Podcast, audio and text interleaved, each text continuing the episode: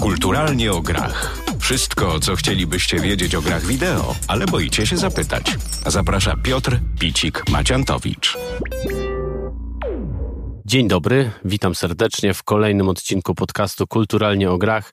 To jest kolejny specjalny odcinek, tym razem odcinek urlopowy, nagrywany z garderoby moich rodziców. Mam nadzieję, że jakościowo będzie dobrze bez zbędnego przedłużania. W takim razie przejdę do dzisiejszego tematu. Dzisiejszy temat, wbrew warunkom, w których to nagrywam, jest bardzo poważny, a właściwie będzie bardzo poważny, bo tematem dzisiejszego odcinka są gry poważne, czy też z angielskiego serious games. Serious games to gry, które starają się, a właściwie robią to, brać na warsztat tematy, które wydawałoby się gry komputerowe brać na warsztat raczej nie powinny, a może inaczej wydaje nam się, że takich tematów nie poruszają. To są takie tematy jak śmierć, wojna, głód, ludobójstwo, e, rak, jakieś ciężkie choroby, e, radzenie sobie ze stresem, radzenie sobie z depresją i wiele, wiele, wiele innych. Oczywiście cały nurt Serious Games to jest dosyć duża mm, sprawa i to nie dotyczy tylko tych tematów, nazwijmy je tematami społecznymi, czy też tematy bardzo mm, takie humanistyczne, e, ale również jakby w, w ramach tego nurtu Serious Games znajdują się e, symulatory, ale symulatory takie bardzo naturalistyczne, o tym zresztą postaram się wspomnieć jeszcze później. No i oczywiście gry edukacyjne, czy też gry korporacyjne. Czym są gry korporacyjne i edukacyjne, powiemy sobie też w późniejszej części tego odcinka. Na początek chciałbym tak generalnie e, przybliżyć Wam, dlaczego warto przyjrzeć się tematowi serious games, czyli gier poważnych, czy też gier traktowanych na serio, ale będę używał raczej tego zwrotu serious games z angielskiego, bo jakoś tak najbardziej e, pasuje chyba tutaj. E, no więc y, zaczynając od początku, jeżeli chodzi o poważne gry, o serious games, to e, ich historia sięga już właściwie lat 80., kiedy zaczęto używać mechanizmów, pewnych mechanizmów z gier komputerowych do tego, żeby albo pokazać coś, albo zwrócić uwagę ludzi na pewne aspekty inne niż rozrywka. I myślę, że tutaj kluczowym rozróżnieniem pomiędzy y, grami w ogóle, grami wideo w ogóle, a serious games, które bądź co bądź są również grami mm, i o tym też powiemy sobie później, że no to są jednak gry i pewnymi prawidłami czy pewnymi e, schematami, mechanikami gier również muszą operować i muszą być dobre w tym, w tej grywalności, e, no bo przecież ostatecznie gra to gra i musi się sprawdzać na polu zarówno tym growym, zarówno tym tematycznym, czyli tego jakby tych problemów, których e, dotyka. Poważne gry to zdecydowanie coś więcej niż czysta rozrywka, chociaż część z nich, mam wrażenie, mm, jednak o tą rozrywkę zahacza i jakby chciałbym się tak naprawdę skupić właśnie na tych, które są mimo wszystko grami rozrywkowymi, ale oprócz tego zahaczają o pewne poważne tematy. Niektóre z nich właściwie biorą na warsztat jako swój główny punkt programu te poważne e, tematy.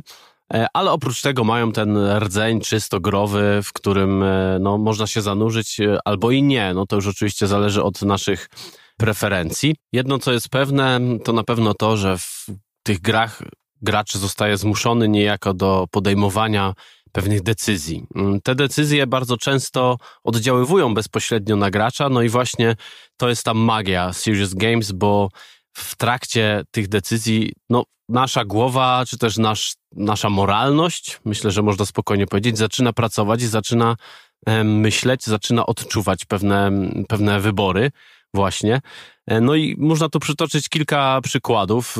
Myślę, że na pierwszy ogień weźmiemy grę Papers, Please, czyli grę, w której jesteśmy celnikiem na przejściu granicznym między dwoma fikcyjnymi państwami, w których to w jednym z nich e, dzieje się wojna, drugie jest państwem takim totalitarnym.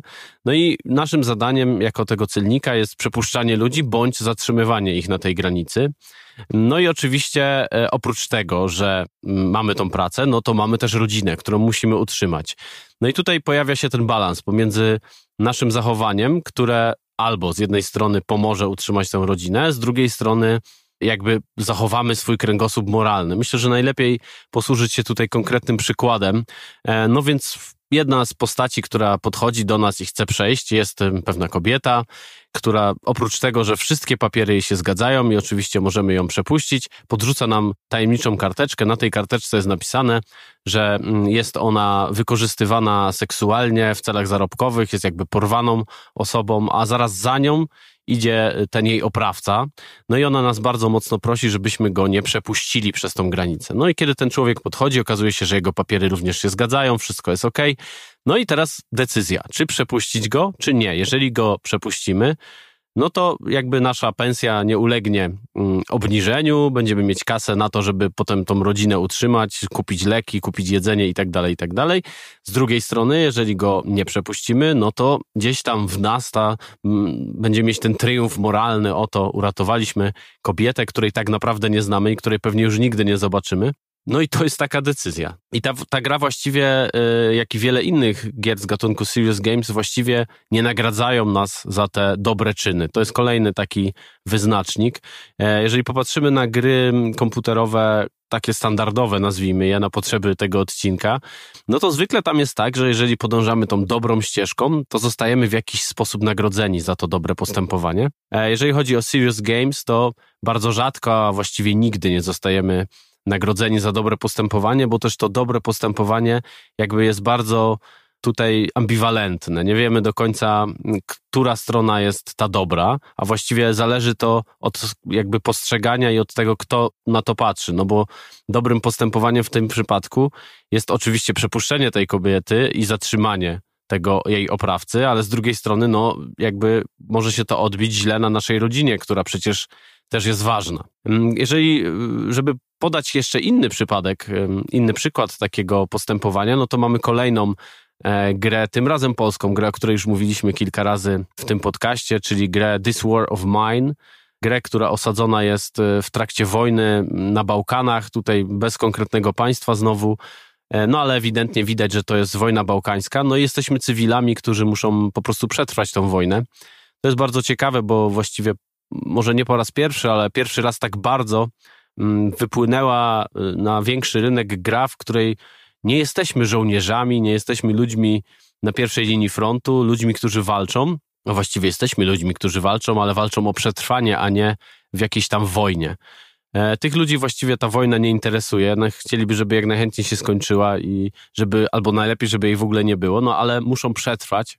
No i w trakcie tej e, całej rozgrywki walczymy właśnie o to, żeby przetrwać. Poszukujemy jedzenia, poszukujemy leków, e, wytwarzamy to jedzenie, e, musimy odpowiednio być wyspani, musimy walczyć oczywiście o przetrwanie z pewnymi bojówkami, które gdzieś tam łażą, ale jesteśmy właściwie skazani prawie zawsze na, na przegraną, no bo nie mamy właściwie żadnej broni na początku, potem możemy ją zdobyć i tak dalej, i tak dalej. Nieważne. Bardzo na marginesie bardzo mocno polecam tą grę, bo z jednej strony, po pierwsze, właściwie jest to polska gra, mm, dzięki któremu Studio 11-bit e, wybiło się mm, na całym świecie właściwie, a po drugie, właśnie te moralne wybory i te, te pewne podejście twórców, bo w tej grze, co niestety dosyć rzadko się zdarza, jeżeli e, popatrzymy na Serious Games, mechaniki gry bardzo mocno współgrają właśnie z tematyką, czyli z tym, w jaki sposób e, postrzegany jest ten świat i w jaki sposób my uczestniczymy w tym świecie. No i w ten sposób każde nasze zachowanie w, w jakiś sposób wpływa na świat. No i tutaj wracając do tego przykładu, oto do naszych drzwi puka dwójka dzieci, które proszą nas o to, żebyśmy dali leki dla ich matki. No i e, my tych leków mamy bardzo mało albo w ogóle. Nikt, co prawda, z naszej ekipy, z którą aktualnie jesteśmy w, tym, w tej ruderze, w której mieszkamy, nie jest chory, ale kto wie, zaraz może być. Leki oczywiście są towarem deficytowym, bardzo trudno je zdobyć. No i okazuje się, że co? Że możemy albo dać te leki, no i znowu nasza, nasz kręgosłup moralny y, będzie nam bił brawo, z drugiej strony, e, jeżeli nie damy tym dzieciom tych, tych leków, no to się potem okazuje, że ta matka umarła, ale my mamy te leki dla siebie i możemy wyleczyć naszych współtowarzyszy. No i tutaj znowu nie jesteśmy właściwie w żaden sposób nagradzani za to, że pomagamy tej matce tych dzieci, a możemy zostać, że tak powiem, brutalnie skazani przez grę na to, że jeden z naszych towarzyszy, no niestety nie przeżyje, nie dotrwa do końca wojny. Także mm, to są takie y, wybory, które gdzieś tam są zależne od nas, ale mają też wpływ na świat gry, w którym, y, w którym gramy. No i to jest rzecz, która się ewidentnie udała, jeżeli chodzi o grę This War of Mine. Myślę, że kolejnym całkiem niezłym przykładem tego, jak e, gameplay może działać przy okazji i współdziałać właściwie przy okazji Serious Games, chociaż myślę, że ta gra akurat jest najmniej serious z tych wszystkich, które przedstawię wam tutaj w tym odcinku. Chodzi o grę Spec Ops The Line. I to właściwie y, na pierwszy rzut oka wydaje się być po prostu zwykłą strzelanką. Na dodatek niezbyt udaną strzelanką, bo w recenzjach możemy wyczytać, że no, ta strzelanka, no, strzelanie jest drewniane, e, jakoś tak nie działa to do końca. Gra przenosi nas do Dubaju, zdaje się, albo gdzieś do Arabii Saudyjskiej w trakcie pewnego konfliktu. No i dlaczego tak, tą grę właściwie można podciągnąć pod Serious Games? Okazuje się, że twórcy tej gry, bardzo myślę, możemy tutaj oddać im wielki szacunek za to, postanowili do teoretycznie zwykłej strzelanki wpleść motywy dramatu związanego z przeżywaniem wojny. Z jednej strony gra jest dosyć brutalna i pokazuje, w jaki sposób e, działa wojna twórcy nie boją się pokazywać e, pozostałości po wojnie, e, ciał na ulicach, wiszących gdzieś tam, brutalności generalnie wojny, ale to jest jeszcze rzecz, która zdarza się w grach, które no nie aspirują do tego, żeby być e, serious games, ale myślę, że bardzo ważną rzeczą jest to, jak nasz bohater w grze Spec Ops The Line radzi sobie z tą traumą wojenną i z tym tak zwanym PTSD, czyli Post Traumatic Stress Disorder, czyli z no, chorobą, która, która wywołuje jakaś trauma. Mm, no i tutaj zastosowano bardzo ciekawy zabieg. Świat zmienia kolory wraz z tym, jak nasz bohater przeżywa mm, tą traumę coraz bardziej. E, no i generalnie, jeżeli chodzi też o aspekt e, fabuły tej gry, no to też tutaj e, ludzie się postarali. Szkoda, że mm, no niestety ta warstwa mechaniczna tutaj nie do końca podziałała. To jest, myślę, taki przykład gry, która chciała za dużo bo chciała połączyć bardzo ambitne treści z mniej ambitnym sposobem rozgrywki, ale oczywiście to jest możliwe jak najbardziej. E, no niestety myślę, że za mało się troszeczkę przyłożono do tego aspektu gameplayu, do tego aspektu e, samej grywalności. No i niestety wyszedł taki trochę zapomniany tytuł, w który na pewno warto pograć, choćby dlatego, e, no, że przedstawia tą wojnę w sposób bardzo naturalistyczny, bardzo realistyczny i przy okazji podaje nam jakby pewien pogląd na to, w jaki sposób może działać właśnie ta trauma związana e, w tym wypadku z wojną, mimo tego, że przecież nasz główny bohater jest tam zaprawionym w bojach komandosem.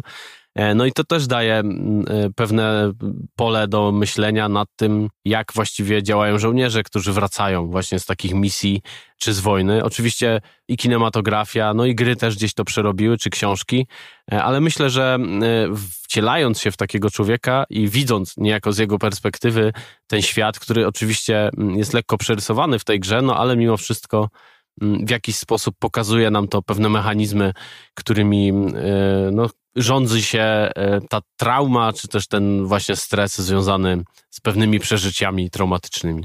Można by zadać pytanie właściwie, dlaczego y, programiści, deweloperzy biorą się za ten typ e, gier.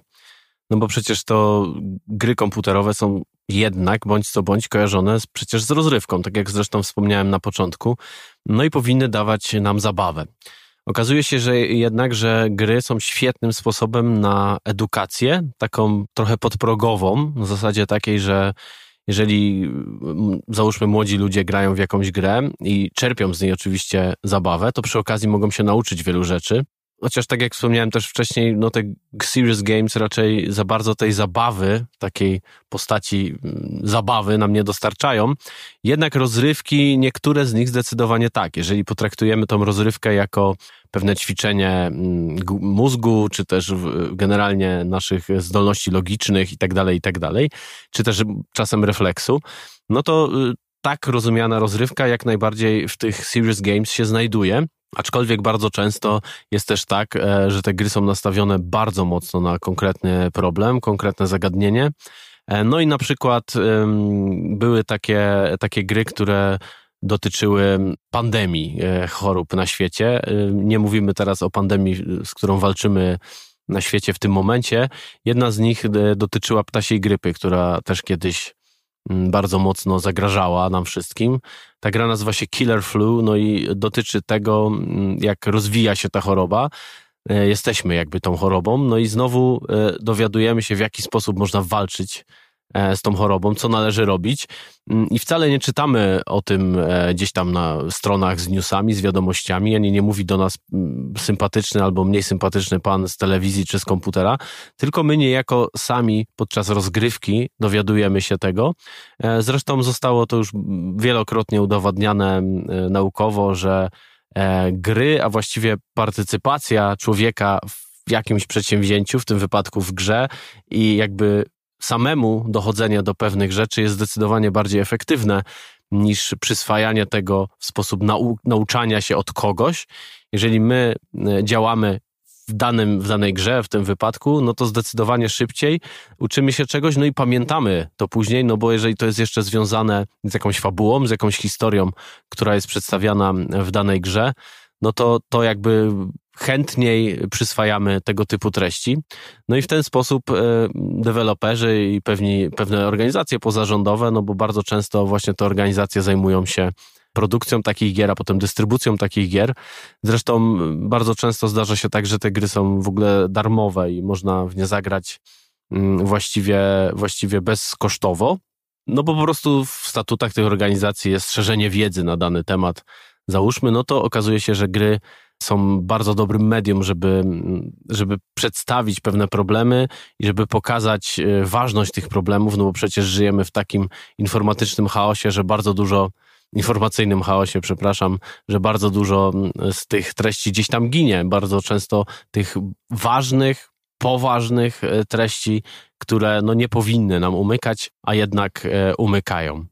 Bardzo często jest też tak, że twórcy decydują się na stworzenie pewnych gier w ramach przerobienia swojej własnej traumy, i tutaj przypadkiem e, tego typu gry jest y, prawdopodobnie najtrudniejsza i najcięższa gra, tak emocjonalnie, w jaką było mi dane zagrać kiedykolwiek. Gra nazywa się Dead Dragon Cancer. E, no jak sama nazwa wskazuje, opowiada o raku, ale żeby było e, jeszcze trudniej, jeszcze gorzej, opowiada o przegranej walce z rakiem bardzo małego dziecka. E, my wcielamy się jakby w rodziców tego dziecka, którzy e, no, starają się jakoś poradzić z tym. Gra jest bardzo prosta, jeżeli chodzi o mechanikę. Jest tak naprawdę taką trochę multimedialną opowieścią interakcyjną, w której e, no, jesteśmy tymi rodzicami, tam przechodzimy przez różne etapy walki, czy też już pogodzenia się z tym, jakby, że że, to, że ta walka została przegrana.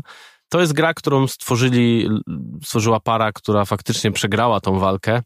No i to jest taka gra, w którą chyba warto zagrać, żeby poczuć, z czym możemy się potencjalnie zmierzyć. Oczywiście nie życzę nikomu tego, żeby musiał przechodzić takie, takie traumatyczne historie, ale zdecydowanie no, ta gra przybliża nas do tego, jak to może wyglądać. I uwierzcie mi, że Mm, że jest to bardzo trudna rzecz, nawet jeżeli tylko gramy w to, tak naprawdę nie przeżywamy tego e, osobiście, a jednak dzięki temu, że gramy, w jakiś tam sposób przeżywamy to, mam wrażenie, jednak bardziej niż y, gdybyśmy oglądali film na przykład o tym, no bo jednak podejmujemy tu pewne decyzje, nasze decyzje w jakiś sposób wpływają na świat, w którym ta gra się dzieje. Także to jest, to jest taki przykład, gdzie właśnie mm, przy okazji tego, że my dostaliśmy możliwość przeżycia tej jakże strasznej historii, to i mm, podejrzewam, że przy tworzeniu tej gry ludzie, którzy ją tworzyli, również jakby przerobili to jeszcze raz, a może przy okazji tego przerobienia tego jeszcze raz w jakiś sposób e, zadziałało to na nich terapeutycznie. Takim podobnym terapeutycznym mm, skutkiem, który miałoby wywołać gra, jest gra, która została stworzona po to, żeby zwrócić uwagę na depresję. Tytuł tej gry to Depression Quest, czyli misja depresja, tak myślę, że możemy to nazwać. I to jest jedna z tych gier, e, która w swojej prostocie myślę, że mm, uderza naj, najbardziej, bo jesteśmy po prostu człowiekiem, który musi pójść do pracy, musi wstać, musi e, pójść do łóżka, musi zasnąć i tak dalej, i tak dalej. Mm, no i tutaj również zastosowano kilka bardzo ciekawych mechanizmów, bo w zależności od tego, jak ta nasza depresja się pogłębia, albo y, wręcz przeciwnie, odpuszcza. Pewne wybory, które możemy podjąć, mamy ich więcej albo mniej.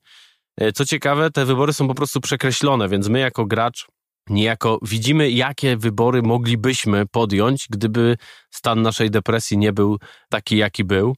E, bardzo mocno polecam e, sprawdzić tą grę, a ludziom, którzy cierpią na depresję, myślę, że polecam ją sprawdzić e, głębiej, no bo trochę taką misją tej gry jest, jest właśnie walka z tą, z tą depresją, a przynajmniej dosyć duże zwrócenie uwagi na to, że depresja jest chorobą, która jest bardzo poważna i nie ma co tego bagatelizować. Mm, zresztą mam wrażenie, że coraz częściej i coraz bardziej zwraca się na to uwagę i bardzo dobrze, mm, że to nie jest tam, że o, masz doła, przejdzie ci i tak dalej. To nie do końca tak jest i właśnie gra Depression Quest bardzo e, fajnie, jeżeli możemy tutaj użyć tego słowa fajnie, mm, pokazuje to, jak funkcjonuje człowiek chory na depresję.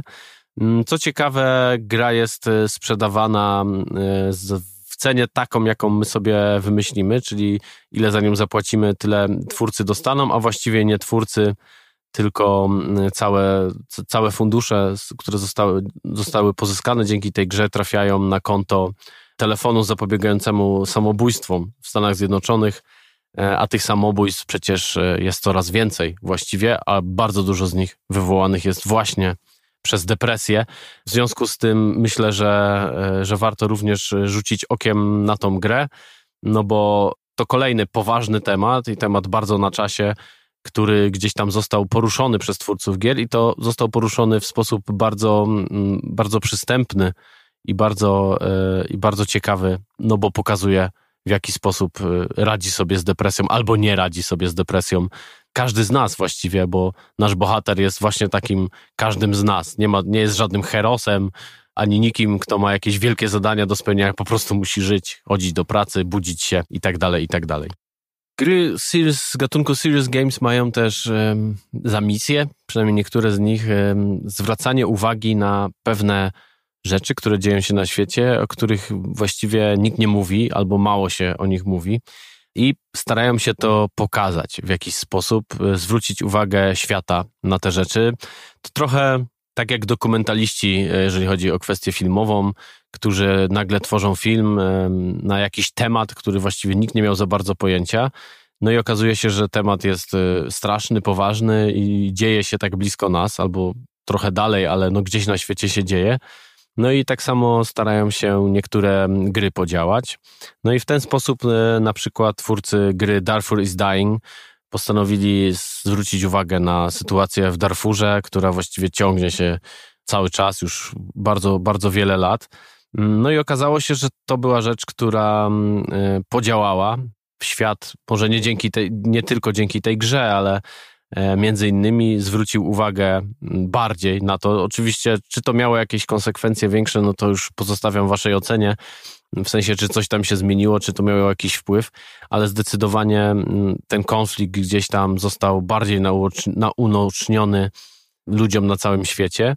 Jest y, cały szereg takich y, gier, bardzo często pro, dosyć prostych, które starają się pokazać pewne aspekty tego okrutnego świata, który otacza nas, a o którym bardzo często mało wiemy albo nie chcemy wiedzieć.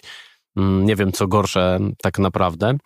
Mm, w każdym razie y, tutaj po raz kolejny jakby gry komputerowe wkraczają na taki dosyć niebezpieczny grunt, niebezpieczny teren, w którym nie wiemy, czy jeszcze są grami, czy już starają się być czymś innym, czymś więcej, a może czymś jakby nieodpowiednim, jakby nieodpowiednim medium do pokazywania tego. Moim zdaniem są jak najbardziej odpowiednim medium, tylko tak jak mówiłem wcześniej, no, trzeba wyważyć gdzieś ten balans pomiędzy grywalnością danej produkcji, a tym poważnym tematem, bo oczywiście poważny temat, gdzieś tam przyciągnięty przemycony w grach komputerowych jest super sprawą i bardzo warto to robić i bardzo się cieszę, że twórcy to robią.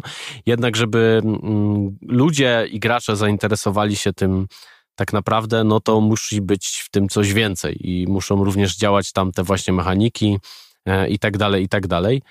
E, myślę, że coraz częściej generalnie jest tak, że mm, gry starają się zahaczyć o jakieś takie ważniejsze tematy i mówimy tutaj również o takich grach AAA, czyli tych z wielkimi budżetami, to są takie wielkie produkcje jak, nie wiem, Wiedźmin, jak Mass Effect, mm, jak GTA jak pewnie wiele, wiele innych, które gdzieś tam jednak nastawione są na tą rozrywkę, na tą zabawę, ale y, przy okazji niejako przemycają pewne mm, ważne rzeczy, wspominają o pewnych tematach bardzo ludzkich i z którymi e, być może albo na co dzień się nie spotykamy, albo spotykamy się właśnie bardzo często, ale jakoś ignorujemy te, te rzeczy, albo nie za bardzo chcemy o nich myśleć.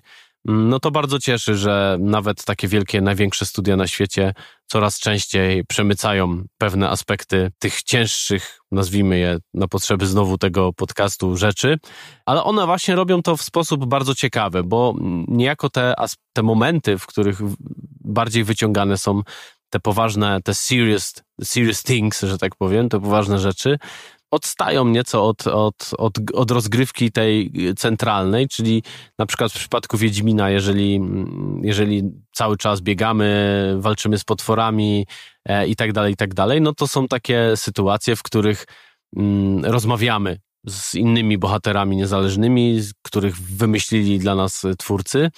I czasami te tematy, na przykład w przypadku wątku krwawego barona, są naprawdę, mm, no powiedziałbym, na czasie, mimo tego, że to przecież gra, która się dzieje w ogóle w fikcyjnym świecie e, i w fikcyjnej rzeczywistości, a tematy, które porusza, są jak najbardziej niefikcyjne. Zresztą to też mm, jest jakby na chwilę abstrahując od, od, od tego tematu, jest to pewna przypadłość e, książek Andrzeja Sapkowskiego, że no, on też bardzo często te tematy e, poważne mm, przemyca do swoich książek, zwłaszcza jeżeli mówimy tutaj o sadze o Wiedźminie, no to nie wiem, choćby rasizm, który mm, w momencie jak nagrywam ten odcinek w Stanach Zjednoczonych szaleje wielkie, wielkie protesty przeciwko policji, przeciwko brutalności policji, związane oczywiście z rasizmem, no to w, w, książkach Andrzeja Sapkowskiego w Wiedźminie mamy rasizm, oczywiście nie międzyludzki, ale międzyrasowy przecież, bo tam mamy elfy, krasnoludy, y, no, które są, mówiąc krótko, tępione przez ludzi i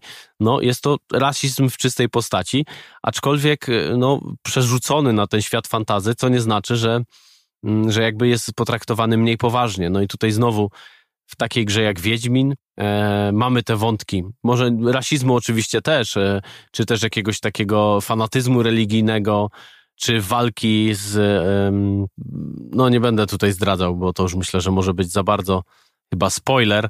Z tym wątkiem Krwawego Barona bardzo Wam polecam, bo to jeden z, z ciekawszych, fajniejszych wątków i przy okazji właśnie poruszających dosyć poważny, poważny temat. Myślę, że też trudny temat, e, ale no polecam, sprawdźcie sobie po prostu to, wtedy zobaczycie mm, i przeżyjecie to, w jaki sposób twórcy poradzili sobie z tym bardzo trudnym tematem.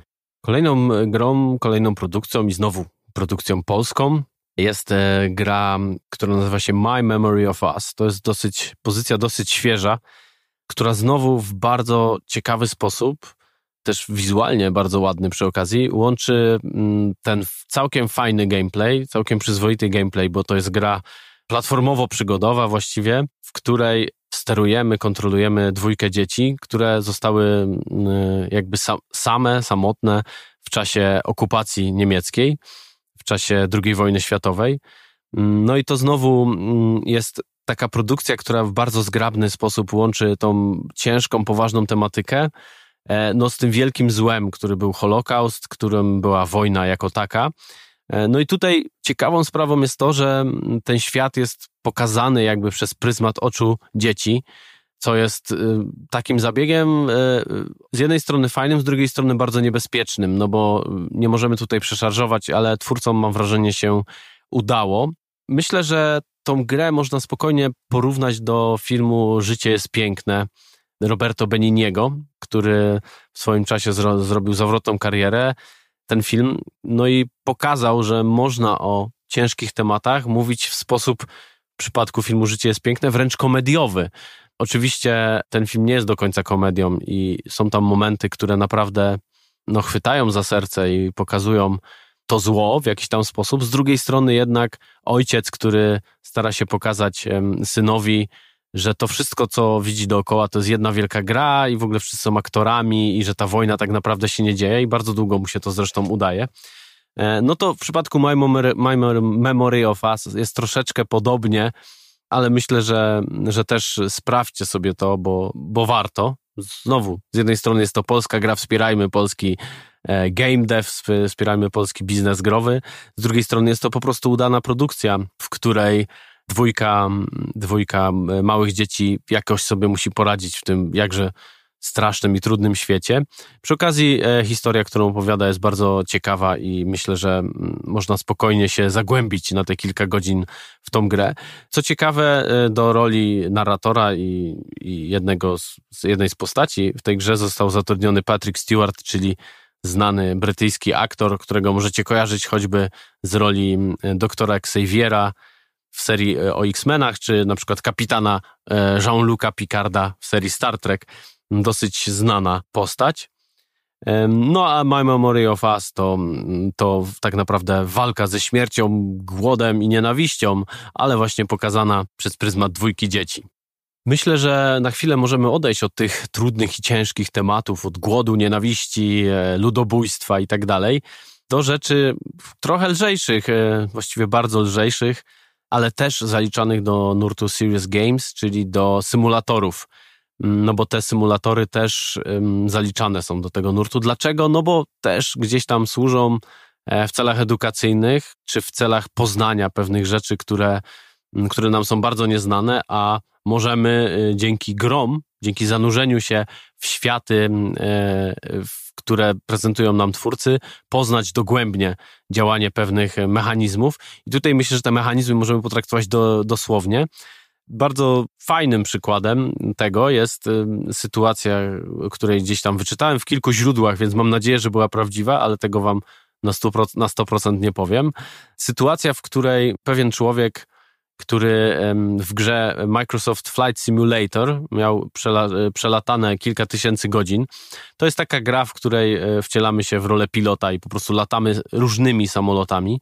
Z tym, że te samoloty są odwzorowane właściwie jeden do jeden. Czyli żeby wystartować, musimy przesunąć taką dźwignię, nacisnąć to i tamto i nacisnąć pięć kontrolek, poczekać aż coś tam się stanie i tak dalej, i tak dalej. W każdym razie działa to tak jak w prawdziwych maszynach. No i okazało się, że tam e, pilot jakiegoś samolotu, to nie był duży samolot, to był jakiś mały, jakaś awionetka, czy jakiś taki średniej wielkości samolot. Coś się stało z pilotem, zemdlał, stracił e, przytomność, w jakiś sposób został, że tak powiem, odcięty. No i ten człowiek przejął stery nie latając nigdy wcześniej samolotem. E, no i doleciał do lotniska, wylądował. E, okazało się właśnie po, potem, że on właściwie to nigdy nie latał samolotem, tylko miał, miał, e, miał przelatane na tym symulatorze komputerowym, nazwijmy to, kilka tysięcy godzin. No i okazało się, że tak, że to działa, że można się nauczyć latania samolotem dzięki grze komputerowej. Oczywiście nie wiem, ile było w tym umiejętności, ile szczęścia, a ile jeszcze czegoś innego. W każdym razie udało się. Drugim dosyć kontrowersyjnym e, symulatorem jest symulator żołnierza stworzony przez armię amerykańską. Gra nazywa się America's Army. E, no i jest takim no, symulatorem żołnierza, czyli sytuacją, w której postać, którą prowadzimy, męczy się. Strzelanie jest bardzo mocno dopracowane, bardzo mocno odpowiada realiom, jeżeli chodzi o odrzut broni, jeżeli chodzi o jej ciężkość dla naszej postaci. Również e, pewne strategie które tam się wprowadza do życia, e, są bardzo realistyczne. No i co najważniejsze, bardzo realistyczne jest to, że jak dostaniemy w cudzysłowie kulkę, no to padamy. Ten, to życie nam się nie odradza. To życie nie jest tak jak w innych grach, że a tam zbierzemy apteczkę, zaraz się poskładamy i gramy dalej. Tylko no po prostu bardzo łatwo można zginąć, no ale o to chodzi jakby w symulatorach, no bo przecież w życiu na wojnie też bardzo łatwo zginąć. Mm, no i bardzo często jest tak, że grom właśnie zarzuca się to, że są niewiarygodne, że jeżeli chodzi o, o rozgrywkę w tych wszystkich strzelaninach, no to przecież my jesteśmy e, niezniszczalni. Często się mówi, że tam zabili go i uciekł, tak? E, no ale to są gry komputerowe, e, mają nam służyć rozrywce, więc jakby jesteśmy takim superherosem w tych grach. No ale taka gra właśnie jak America's Army pozwala nam się wcielić w żołnierza takiego, no z krwi i kości to może źle powiedziane, ale z tam z bitów i z bajtów e, i z poligonów, no ale zdecydowanie e, przybliża nam to tą realność. Kilka takich gier zresztą powstało też innych. Była taka gra jakiś Operation Flashpoint, czeska gra, która również była bardzo wiernie odzorowanym symulatorem pola bitwy. No i tutaj oczywiście można się, można się zmierzyć e, z takimi e, przeciwnikami, bo oczywiście są to gry multiplayer, gdzie, żeby poczuć, jak działa prawdziwe pole bitwy, a nie takie pole bitwy, które jest nam prezentowane w większości e, gier. Myślę, że też do tego nurtu Serious Games można by przyporządkować kilka gier strategicznych, które odzwierciedlają nam, w jaki sposób działały bitwy, są jakby odzwierciedleniem tych, bitw, tych bitew i pokazują też, jak bardzo wojny są straszne i jak bardzo wiele ludzi ginie na tych wojnach. Poprzez pewne statystyki, poprzez porównanie na przykład naszej rozgrywki do tego, jak naprawdę wyglądała historia. Także m, mm, tych tematów w ogóle związanych z wojną e, i ze śmiercią E, jest bardzo dużo, ale to nie wszystko, bo gry e, z gatunku Serious Games również starają się zwrócić uwagę na pewne kultury, na pewne e, te aspekty właśnie bardziej powiedziałbym związane z naturą, czy, czy, czy właśnie z kulturą człowieka jako taką. No i tych tytułów jest, jest naprawdę sporo. To są często takie gry bardzo małe, które gdzieś tam powiększają naszą świadomość na temat pewnych wydarzeń, czy też pewnych y, plemion na świecie, czy pewnych sytuacji związanych właśnie z naturą, z tym, jak niszczymy nasz świat. Tutaj y, takim przykładem, myślę, ciekawym jest y, taka gra, która nazywa się World Without Oil, która dzieje się w świecie jakby alternatywnym nieco, w którym zabrakło już tego, tej ropy na świecie. E, no i w jaki sposób nagle zaczyna działać gospodarka światowa, w jaki sposób zaczyna działać świat, kiedy tej ropy nie ma. Teraz przez chwilę mieliśmy namiastkę tego, kiedy nagle zużycie ropy na całym świecie spadło w trakcie tej pandemii koronawirusa. Okazuje się, że, że można to zrobić w sposób bardzo łatwy. Oczywiście rynki e, spanikowały, jeżeli chodzi o ropę. Mm, no i nagle się okazuje, że, że tej ropy wcale nie musimy tak dużo zużywać. Mm, no i właśnie między innymi gra World Without Oil stara się bardzo mocno jakby przedstawić to, że no, że możemy żyć bez ropy, a przynajmniej możemy, y, nie, może nie całkowicie, ale możemy zdecydowanie mniej tej ropy zużywać, e, no bo jeżeli będziemy tak dalej żyli, jak żyjemy, to kiedy tej ropy zabraknie, to właściwie będziemy skazani na bardzo ciężkie jakieś y, konsekwencje związane z tym, że tej ropy e, na świecie już nie ma. Bardzo dużo e, serious games, gier poważnych na świecie powstaje i bardzo się cieszę, bo mam wrażenie, że coraz częściej do ludzi będzie trudno dotrzeć z takimi danymi, które gdzieś tam oglądają w telewizorni, tej w cudzysłowie oczywiście, czy też w, w generalnie mainstreamowych mediach. A dzięki dobrej grze z gatunku Serious Games, która bardzo dobry sposób połączy tą rozgrywkę e, z pewnym tematem, e, który warto naświetlić, który jest z jednej strony poważny i który wymaga uwagi, czy to naszej, czy to, czy to rządów e, na całym świecie. Łatwiej po prostu będzie zwrócić uwagę na, na pewne problemy, i to się dzieje już teraz. Ten rynek cały czas się rozwija.